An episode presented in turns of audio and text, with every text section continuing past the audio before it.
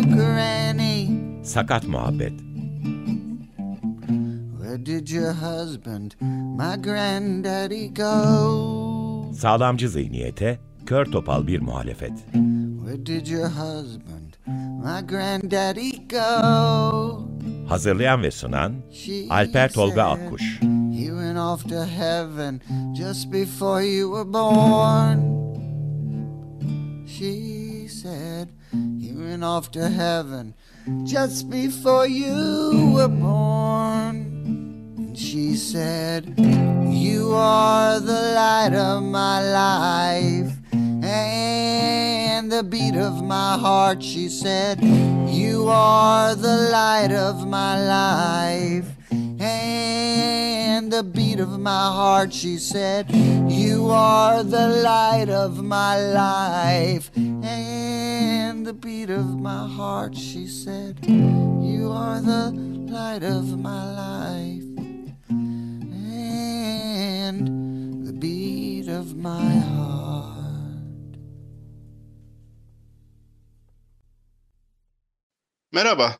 Açık Radyo'ya, Sakat Muhabbete, Sağlam Zihniyetin Kör Topal muhalifine hoş geldiniz. Ben Alper Tolga Akkuş. Bugün 4 Temmuz 2023 Salı.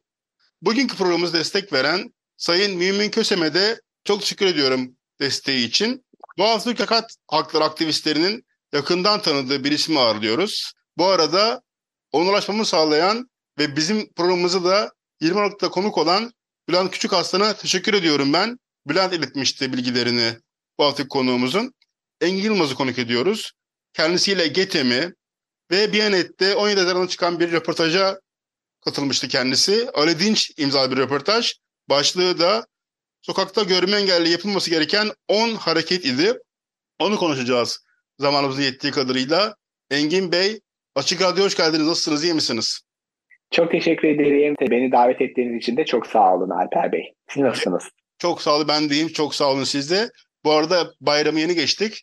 Bayramınız kutlu olsun diyeyim ben buradan. Hem sizin nezdinize de tüm dinleyicilerimize ileteyim aynı dileğimi. Ben de tüm dinleyicilerimizin bayramını kutlarım. Engin Yılmaz'ı bir tanıtalım istiyorum ben. Kendi geçmişinizi sakatlığınızı da belirterek aktarır mısınız bize? Tabii Engin ben. Doğuştan körüm. 1979 doğumluyum bu arada. 2002'de Boğaziçi Üniversitesi'nde psikoloji ve rehberlik psikolojik danışmanlık bölümlerini çap öğrencisi olarak bitirdim. Sonra aynı üniversitede bilişsel psikoloji alanında yüksek lisansımı tamamladım ve yine Boğaziçi Üniversitesi'nde doktoramı da tamamladım 2016 yılında yetişkin eğitimi alanında. Bir dönem rehber öğretmenlik yaptım bir lisede. Sonrasında da 2007'den bugüne kadar da GETEM'in yani şu bugün konuşacağım bu Görme Engeller Teknoloji ve Eğitim Laboratuvarı'nın direktörlüğünü yürütüyorum. Bu benim mesleki kariyerim diyelim. Aktivist olarak kendimi daha çok tanımlıyorum. O da ta 2000'li yıllardan beri çeşitli derneklerde görevlerim oldu ama 2005 yılında Engelsiz Erişim Derneği'nin kurucu üyeleri arasındaydım. Başkanlığını yürüttüm uzun süre. Aynı şekilde Sesli Betimleme Derneği'nin kurucuları arasında yer aldım. Çeşitli platformlarda yer aldım. Ve halen de belli dergilerde, belli gruplarda yazılarım devam ediyor. O yüzden kendimi aslında ben daha çok akademisyenden çok aktivist olarak tanımlayan bir kişiyim yani öyle söyleyebilirim. Dün de konuştuk ama burada dinleyenler için de sorayım ben size. Kör diye mi hitap etsem uygundur, görme engelli mi sizin için? Kişi nasıl tercih ediyorsa öyle hitap etmeniz daha doğru bence. Yani herkesin farklı tercihi vardır. Yüzden ille yani bu kesin doğrularla gidebileceğimiz bir konu değil. Ben kendimi kör olarak tanımlayanlar arasındayım. Bunun sebebi de aslında sağırların kendini sağır olarak tanımlama nedenine benziyor. Biliyorsunuz sağırlarda bu e, çok D harfini büyük yazma ve küçük yazma sağırlığını konuk ettiyseniz belki bahsetmiştir Alper Bey. Bunun sebebi şudur yani sağır olarak kendini tanımlayan der ki ben niye kendimi ben e, işitme sorunu olan biri değilim ki ayrı bir azınlığım aslında. O bir kültür diye tanımlarlar. Ben de körlüğü böyle görüyorum. Yani ben niye kendimi karşıtım üzerinden tanımlayayım ki? Hep şöyle örnek vereyim. Niye bir, bir sarışın kendine niye esmer engelli demez? E ben niye kendime görme engelli diyeyim? Yani kendini karşıtı üzerinden tanımladığınız zaman onu bir norm olarak görmüş gibi olduğuma inanırım ben. Öyle inananlardan biriyim. Yani ben körüm. Bu bir karakteristik bana göre. Kenneth Jernigan ünlü bir kör aktivisttir. NFB'nin de başkanlığını yürüten. Onun çok güzel bir konuşması var 1983 yılında. Körlük bir karakteristiktir. Ne eksik ne fazla. Tabii ki her karakteristiğin olduğu gibi onun da sınırları var. Yani her şeyin olduğu gibi örneğin 1.70 boyundaysanız 2 metre boyunda değilsiniz demektir. Yani onun gibi düşünün meseleyi. Ama bu diğerlerinden beni eksik ya da fazla yapmadı. O yüzden körlüğü ben bir engel olarak görmüyorum. Bir durum olarak görüyorum. Bir fark olarak aslında bir insan çeşitliliğinin bir parçası olarak görüyorum. O yüzden de engelli tanımını reddediyorum. Ama buna karşın insanlar kendilerini bu şekilde görme engelli olarak da tanımlaya, tanımlamak isteyebilir. O da ayıp değil, kusur değil. O da onların kendi tercihi. Yok ben de öyle düşünüyorum. Zaten Sakat Muhabbet programın adı Sakat Muhabbet. Bizim de amacımız o algıdaki şeyi değiştirmek. Bu arada şeyiniz de çok güzel. Sağlamcılığa karşı kör topal Evet sağlamcı zihniyete kör topal bir muhalefet. Aynen. Çok çok doğru yerde aynı çizgide duruyoruz. yani şey işte oradaki indiren noktası şu. Yani görme engelli ya da kör kendine ne diyorsa o. Sağır ne diyorsa o. Ama sağır olmayan, kör olmayan yani sakat olmayanlar onlar diyor ki hayır sakat deme kendine. Yani biz kendimize ne diyeceğimizi sağlamcılara mı sormak zorundayız? Aslında bu başka bir noktası da olayın. Aslında çok önemli bir konu. Ona bile ona bile başkaları karar veriyor. Benim kendime nasıl hitap etmem gerektiğini, kendimi nasıl adlandırmam gerektiğine bile sizler karar verme cüretinde bulunuyorsunuz aslında. En temel mesele bu. Yani o kadar kendi üzerimde söz sahibi değilim onlara göre. E, konuşmamız gereken şeylerden. Bu arada Bülent abiden de bahsettiniz. Kendisine de e, çok teşekkür edeyim ben. E, bu konularda birçok şeyi biz de ondan öğrendik zamanında. Ben de size önermiş. Tekrar buradan da saygılı kendisini buradan şey yapıyorum. Ben de kendisine teşekkür ederim. Kulaklarını çınlatalım. Aslana. O da sakat oturan boğa. Öyle diyor kendisine. Evet. Onun da adını almış olalım buradan. Şimdi bir evet. röportaj. Biz size dün konuştuk işte bu programı yapacağız diye. Dediniz ki siz ya her zamanki şeyler işte dediniz bana ama her zamanki şeyleri sakat camiası biz biliyoruz. Ama sağlamcı olanlar Doğru, bilmiyor aslında. Ya. İşte orada Hı-hı. sokakta bir köre ne yapılıyor ve o yapılanlar nasıl yanlış gibi konular vardı. Onları bir özetleyelim mi? Ali Dinç'e de buradan bir Tabii. teşekkür edeyim ben. Çünkü Biyanet'e de teşekkür edeyim. Çünkü Biyanet engelli hareketini, sakat hareketini ve bu hareketin şeyini çok fazla haberleştiren bir medyum. Buradan bir teşekkür edeyim ben Biyanet'e de. O röportaj... Ben de teşekkür ediyorum. Gerçekten sürekli yeni haberler, insanlarla bu konuda röportajlar. Bir de alandaki, gerçekten bu alanda söz sahibi insanlarla röportajlar yapıyor. Aslında Alper Bey o röportaj ben ta bir yıl önce, bundan bir yıl önce falan öyle bir gün öyle şeyden işe doğru geldim. Kantinde oturup bir kahve içerken yani e, yine sürekli yaşadı ya ben böyle bir şey yazayım demiştim. Öyle tweet dizisi yapmıştı böyle 10 hareket diye. Sonra onun devamını da getirdim hatta ben. Onu Ali Bey bulmuş demek ki bir yerlerden Twitter'da bulup ondan sonra dedi ya bu konuda bir röportaj yapabilir miyiz dedi. ondan sonra o tweet etkileşim aldı yani ilginç bir şekilde. O zaman kimse okumamış dedi. Bir sadece kendi arkadaşlarından okuyordu. O yüzden bu tür aslında ana akım medyalarda bazen haberleştirebiliyor olmak iyi oluyor insanlara mesajlar vermek için. O yüzden Ali Bey'e bir daha teşekkür edeyim o noktada. Şimdi bu hareketler aslında temeli şu. Biliyorsunuz bir sürü farklı sakatlık türleri var. Körlük belki de içlerinde en az görülen durumlardan bir tanesi. Yani bir sağır sayısı çok daha fazla mesela. Tekerlekli sandalye kullanıcıları var belli bir ölçüde. Körlük aslında böyle çok da görülmemekle beraber insanların en çok korktukları, başlarına gelmesinden en çok korktukları durummuş. Kanser ve AIDS'ten sonra 1992 araştırmalarına göre. Hani bugün belki Covid falan da çıkabilir ama ama ya ben yeter ki şunu olayım kör olmayayım gibi bir korku var. Niye? Çünkü hani göz teması kuramadıkları için insanlar o sosyal şeyden büyük bir korku içinde yaşıyorlar. Yani bu büyük bir kaosmuş gibi geliyor. Şimdi öyle olunca kendisi körlüğü öyle görünce benim de o şekilde yaşadığımı sanıyor. yani karanlık bir dünyam var sanıyor ve o dünyada sürekli korkular, e, tedirginlikler içerisinde yaşayan bir birey olduğumu varsayıyor ve e, zaten sakatlara karşı belli stereotip davranışlar var. Bununla ilgili de çeşitli araştırmalar var. Bu nedir? Bağımlı, cinsiyetsiz ve yetersiz e, gibi üç temel şey. Bütün e, sakat, hangi sakatlığa sahip olursanız olun toplumu size yapıştırdığı etiketler aslında. Şimdi bunları böyle görünce size bir de körlüğü en korkulan şey olarak görünce ne yapıyor? Ya kaçıyor senden sanki cüzdanlı bir şey gibi görüyor. Kaçıyor bulaşıcı bir hastalığın varmış gibi ya da senin iznin olmaksızın üstenci yardım dediğimiz şeyler yapıyor. Yani ne yapıyor? Mesela olmadık yerde koluna giriyor. Sen iste ya da isteme sana dokunmaya çalışabiliyor. arkadan tutup itmeye çalışıyor falan ama burada senin hani gerçekten onu istiyor musun, istemiyor musun? O konuda bir yardıma ihtiyacın var mı, yok mu? Buna bakmıyor. Çünkü zaten onun kafasında sen otomatik olarak yetersiz ve bağımlı olduğun için o bir şekilde seni bu bunalımlı hayattan kurtardığını varsayıyor kendi içerisinde. Temel problem de orada çıkıyor. Böylelikle ne oluyor? Ben kendim yolumda giderken, bir şey yaparken bir sürü benzer davranışla karşılaşabiliyoruz arkadaşlar. Yani temel noktayı bunun üzerinden okumak lazım. Yoksa hani tek tek şunu yapalım, bunu yapmayalım üzerinden gitmenin ötesinde insanlar ben yolumda yürürken aslında siz müdahale ettiğinizde iyilik yapmıyorsunuz. Aksine benim bilişsel haritamı engelliyorsunuz. Çünkü beni o yolda giderken kafamda belli belirteçler var. İşte diyeceğim ki mesela üçüncü yerden sağa döneceğim. İşte beşinci tümseyi geçince ilerleyeceğim gibi bilişsel haritam var. Sen bir şekilde beni bir tarafa çekelediğin zaman benim bildiğim olan hiçbir şey her en iyi niyetli yaptığın şey beni bilişsel haritamdan mahrum bırakmak. Ve esas gidebileceğim yolu gitmemi engelliyorsun aslında. Bu noktasıyla da yaptığınız şey aslında yine de bir yardım olmuyor. Öyle sandığınız halde. Biz de buna üstenci yardım diyoruz. Yani bireyin kendi isteği dışında ben sizden öyle bir destek istemediğim halde bana e, yaptığınız sözlü ya da fiziksel taciz diyeceğim. Bazen taciz noktasına kadar gelebilecek şey. Daha geçen yürüyordum bir yanıma yaklaştı. Ya ben seni görünce çok moralim bozuluyor. Vah vah deyip gitti yanına. Şimdi ne diyeyim yani ben? Bu çok yaşanıyor yani değil mi? Ya eline para verenleri mi dersin? Durup dururken çekip iteleyenler mi dersin? Ya bunlar toplumda sürekli yaşıyorsunuz. Hani bu ne olacak ki diyorsunuz ama her gün her gün bu yaşadığınız zaman artık bazen kaldıramayacak duruma gelebiliyor. Ya bu çok sık yaşanıyor. Ben de işte hı hı. 73 doğumluyum. Üniversiteye gidiyordum işte. İngilizce kursuna gidiyordum o sıra. Kursta da tıpta okuyan bir genç bir kadın var arkadaşım.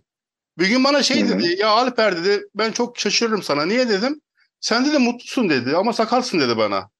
Ben abi soruyu hala çözemedim biliyor musun yani? Ne sorduğunu hala anlamadım. Aradan 30 sene geçti. Belki daha fazla. Orada ne demek istedim? Kaldım böyle baktım yani. İkisinin arasında bir yani il, ilinti yok çünkü. Yani. Şimdi şöyle bir durum var. Bununla ilgili çeşitli araştırmalar yapılıyor Alper Bey. Literatürde bunun geçiyor tam size söylenen şey.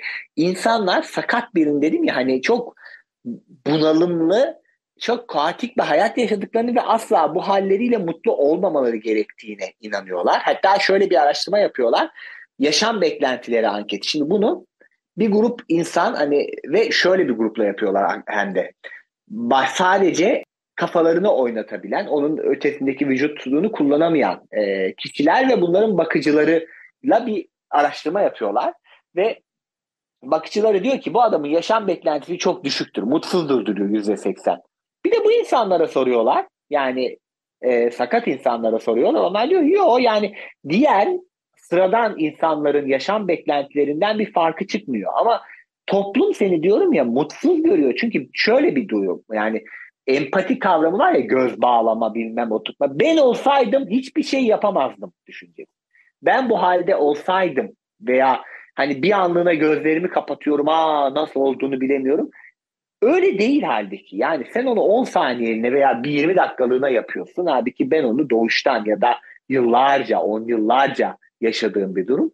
O yüzden benim hayatım onun üzerine kurulu değil aslında bakarsanız. Bunu zaten biliyoruz ama bizi mutlu ya da mutsuz yapan aslında sen yolda yürürken önüne bir tane çekilen araba aslında. Kaldırımın ortasında park ediyor araba ve o araba yüzünden yola inmek zorunda kalıyorsun. O zaman bir tehlike yaşıyorsun.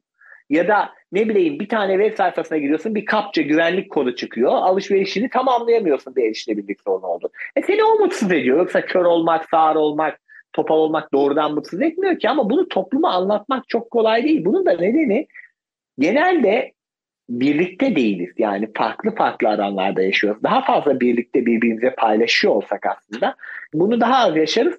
Ama orada da şöyle bir sıkıntı var. Hani insanlar şunu da diyor, size de demişlerdir mutlaka bana diyor. Ya sen hiç kör gibi değilsin falan. Pardon, kör, olarak söylüyor. Körsünüz ya tam uygun dışa bana şu dönüyor ben seni sakat görmüyorum. Ya bir de yani körlükle bağlantı görmüyorum ha. diyor ya. Ben seni sakat evet, evet, görmüyorum. Yani, Sonra da buna görmüyorum. sevinmemi bekliyor yani. Ben sevineceğim. O, o, öyle zannediyor yani söyleyen kişi de evet, bunu. Çünkü aslında ya bu da şu, şunu bunun anlamı şu aslında seni kafasındaki o sakat önyargısı değişmiyor. Seni o gruptan çıkarıyor kendine göre. Yani onlar zaten hala öyle ama sen farklısın. Güya seni bak sen bana benziyorsun gibi. Hani bir şey var. Yani bu insanlar bunu bilinçli yapmıyorlar tabii ama hani lafın nereye gittiğini biraz o anlamda düşünmek lazım. Yani işte bunlar tamamen o demin dediğim ön yargıların sonucu olarak karşımıza çıkan durumlar. Şimdi Açık Radyo'nun ortalarını da geçtik aslında programın da bayağı konuştuk. Evet. Laf lafı açtı. Bir şarkı müzik arası veriyoruz. Siz bir şey seçtiniz mi bizim için? Ne dinleyelim sizin için bu programda? Vallahi çalabilirseniz eğer eşimle konuşuyorduk hangi şarkıyı. Eşim de çok güzel söyler Sevda. Ona da buradan selam gönderiyorum.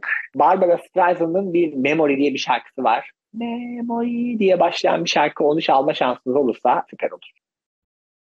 Evet, Sakat Muhabbet'e devam ediyoruz. Engin Yılmaz konuğumuz. İlk bölümden sonra şimdi Engin Bey'in direktörü olduğu GETEM'i, Görme Engelliler Evet. Teknoloji ve Eğitim Laboratuvarını konuşalım. 2006'da açıldığını okudum ben haberlerde. 2006'da Doğru. beri içinde misiniz? Ne amaçla, ne sahikle hayata geçti ve bu 17 yılda neler yaptı GETEM Engin Bey? Evet asıl işim benim aslında yani full time. Bu şu ana kadar konuştuklarım da aslında asıl işim değildi. Şu ana kadar asıl işime geldik. 2006 yılında kuruldu. İlk kuruluşunda ben yoktum. O zaman rehber öğretmenlik yapıyordum ama Civan İlci diye onu da buradan selam gönderelim. Onun fikir babası olduğu ve uğraştığı ve e, Fikret Adaman'la beraber Boğaziçi Üniversitesi'ndeki Hande Saat Fikret Adaman'la beraber kurdukları çok güzel bir yapı geten hangi ihtiyaca dayalı olarak kuruldu? GETEM'in esas amacı şu aslında körlük dediğimiz şey dedik ya ne zaman bir engele dönüşüyor? Örneğin mürekkep baskılı eserler nedeniyle. Yani çıkan kitapların, gazetelerin, makalelerin çoğu mürekkep baskılı halde basılıyor. Bu da ne oluyor? Senin bu, bu eserler içindeki bilgiye erişimini engelliyor. Ne yapacağız bunun için? Bu kitaplar işte sesli olarak okutulabiliyor ya da ne bileyim Braille alfabesiyle basılabiliyor ya da yeni dönemde elektronik ortamda yapılabiliyor. İşte GETEM bu ihtiyaca binaen doğan çeşitli kuruluşlardan bir tanesi. Tabii ki ilk değil ama şöyle bir önemi var GETEM'in. GETEM ilk kez 2000'li yıllarla beraber var olan eserleri internet ortamına taşıdı. Yani artık körler de kitaplarına internet üzerinden erişebiliyor hale geldi. Nasıl üretiyoruz? Gönüllü okuyucularımız var.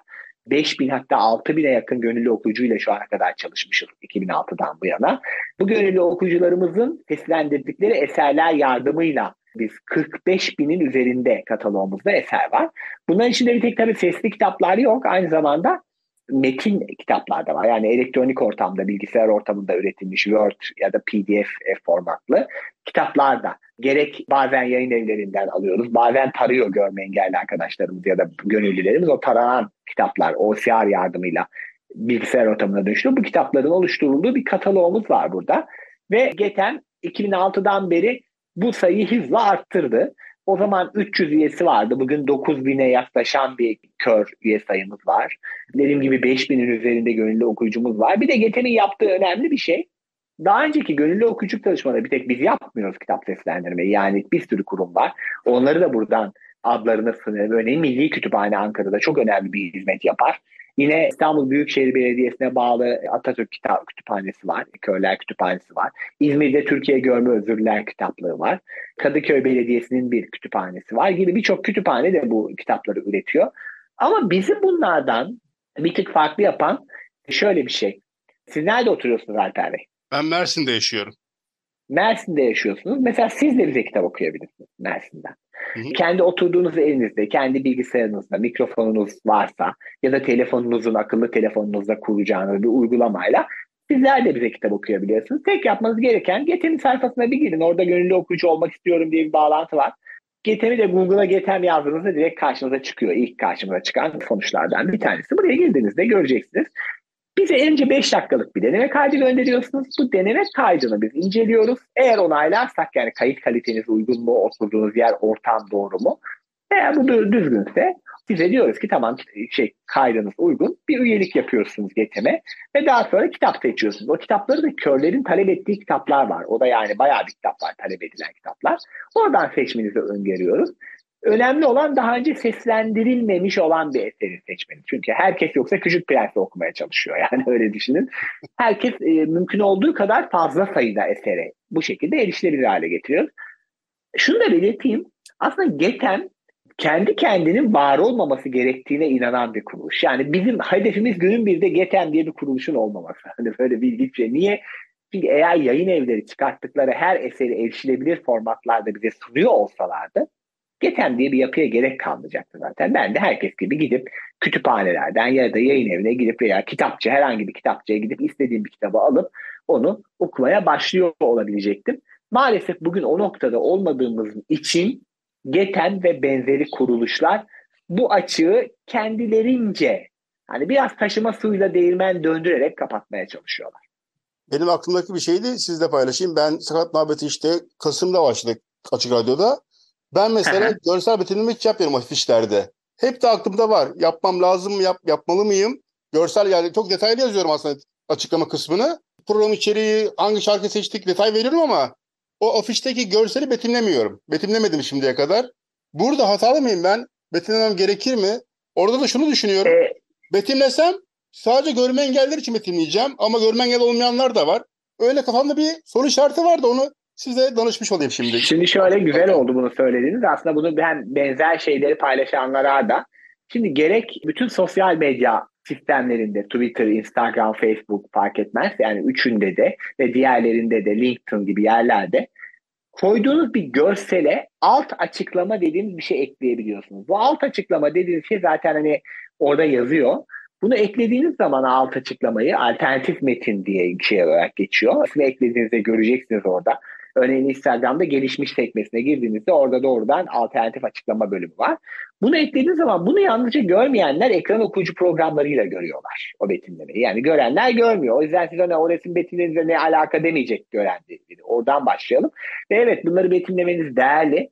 Orada kullanan bir sürü insan var ve o yüzden bunları betimliyor olmanız birkaç cümleyle de olsa bunlara küçük bir betimleme yapıyor olmanız kişilerin kendilerinin varsayıldığını hissettiriyor. Bu nedenle o tür betimlemeler çok değerli. Yapmanızı şiddetle öneriyoruz. Özellikle bu alanda olan biri olarak. Dediğim gibi bunu o alternatif metin kısmından yaptığımız zaman bunu yalnızca körler görmüş oluyor ekran okuyucu programları yani. Evet.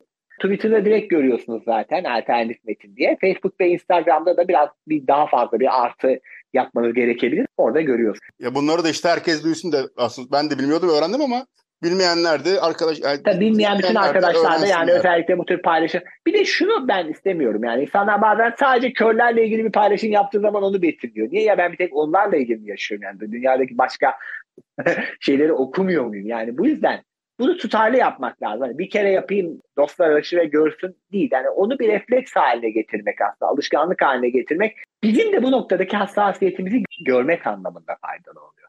Ha şöyle var ileride belki bu konuda yapay zeka betimlemeleri çok gelişiyor. Günün birinde belki de bu durumu biz kendimiz karşılayabilir olacağız ama şu an henüz o noktanın birkaç adım gerisindeyiz. Ya bir de bu şöyle düşün. Yani bu arkadaşınızı düşünmek gibi düşün. Yani benim yerinde gözünü bağlayacağına anlatabiliyor muyum ya insanlar? Onu diyor ya vallahi evet, acıyacağına. Evet. Esas dayanışma budur aslında. Yani şey değil. Ben istemediğim zaman benim kolumdan tutup çekmek değil. Esas dayanışma Böyle yerlerde ha körler de var onlara da bu içeriğimi ulaştırmalıyım düşüncesidir. O zaman o dayanışmayı hissetmiş oluyoruz. Engin Yılmaz'lı konuğum bu hafta. Engin Bey çok teşekkür ediyorum konuk olduğunuz için Sakat Muhabbet'e. Son olarak neler söylemek istersiniz dinleyicilerimize? Farklılıklarınızdan utanmayın arkadaşlar. Hepimiz farklıyız ve farklı olmak güzeldir aslında. Bizi zenginleştirir çeşitliliğimizi arttırır. Herkes aynı olsaydı çok monoton bir dünyada yaşardık. O yüzden sakatlık da bir farklılıktır. Öyle düşünürseniz hayatımız çok daha yaşanabilir hale gelecek. Çok çok teşekkür ediyorum Engin Bey.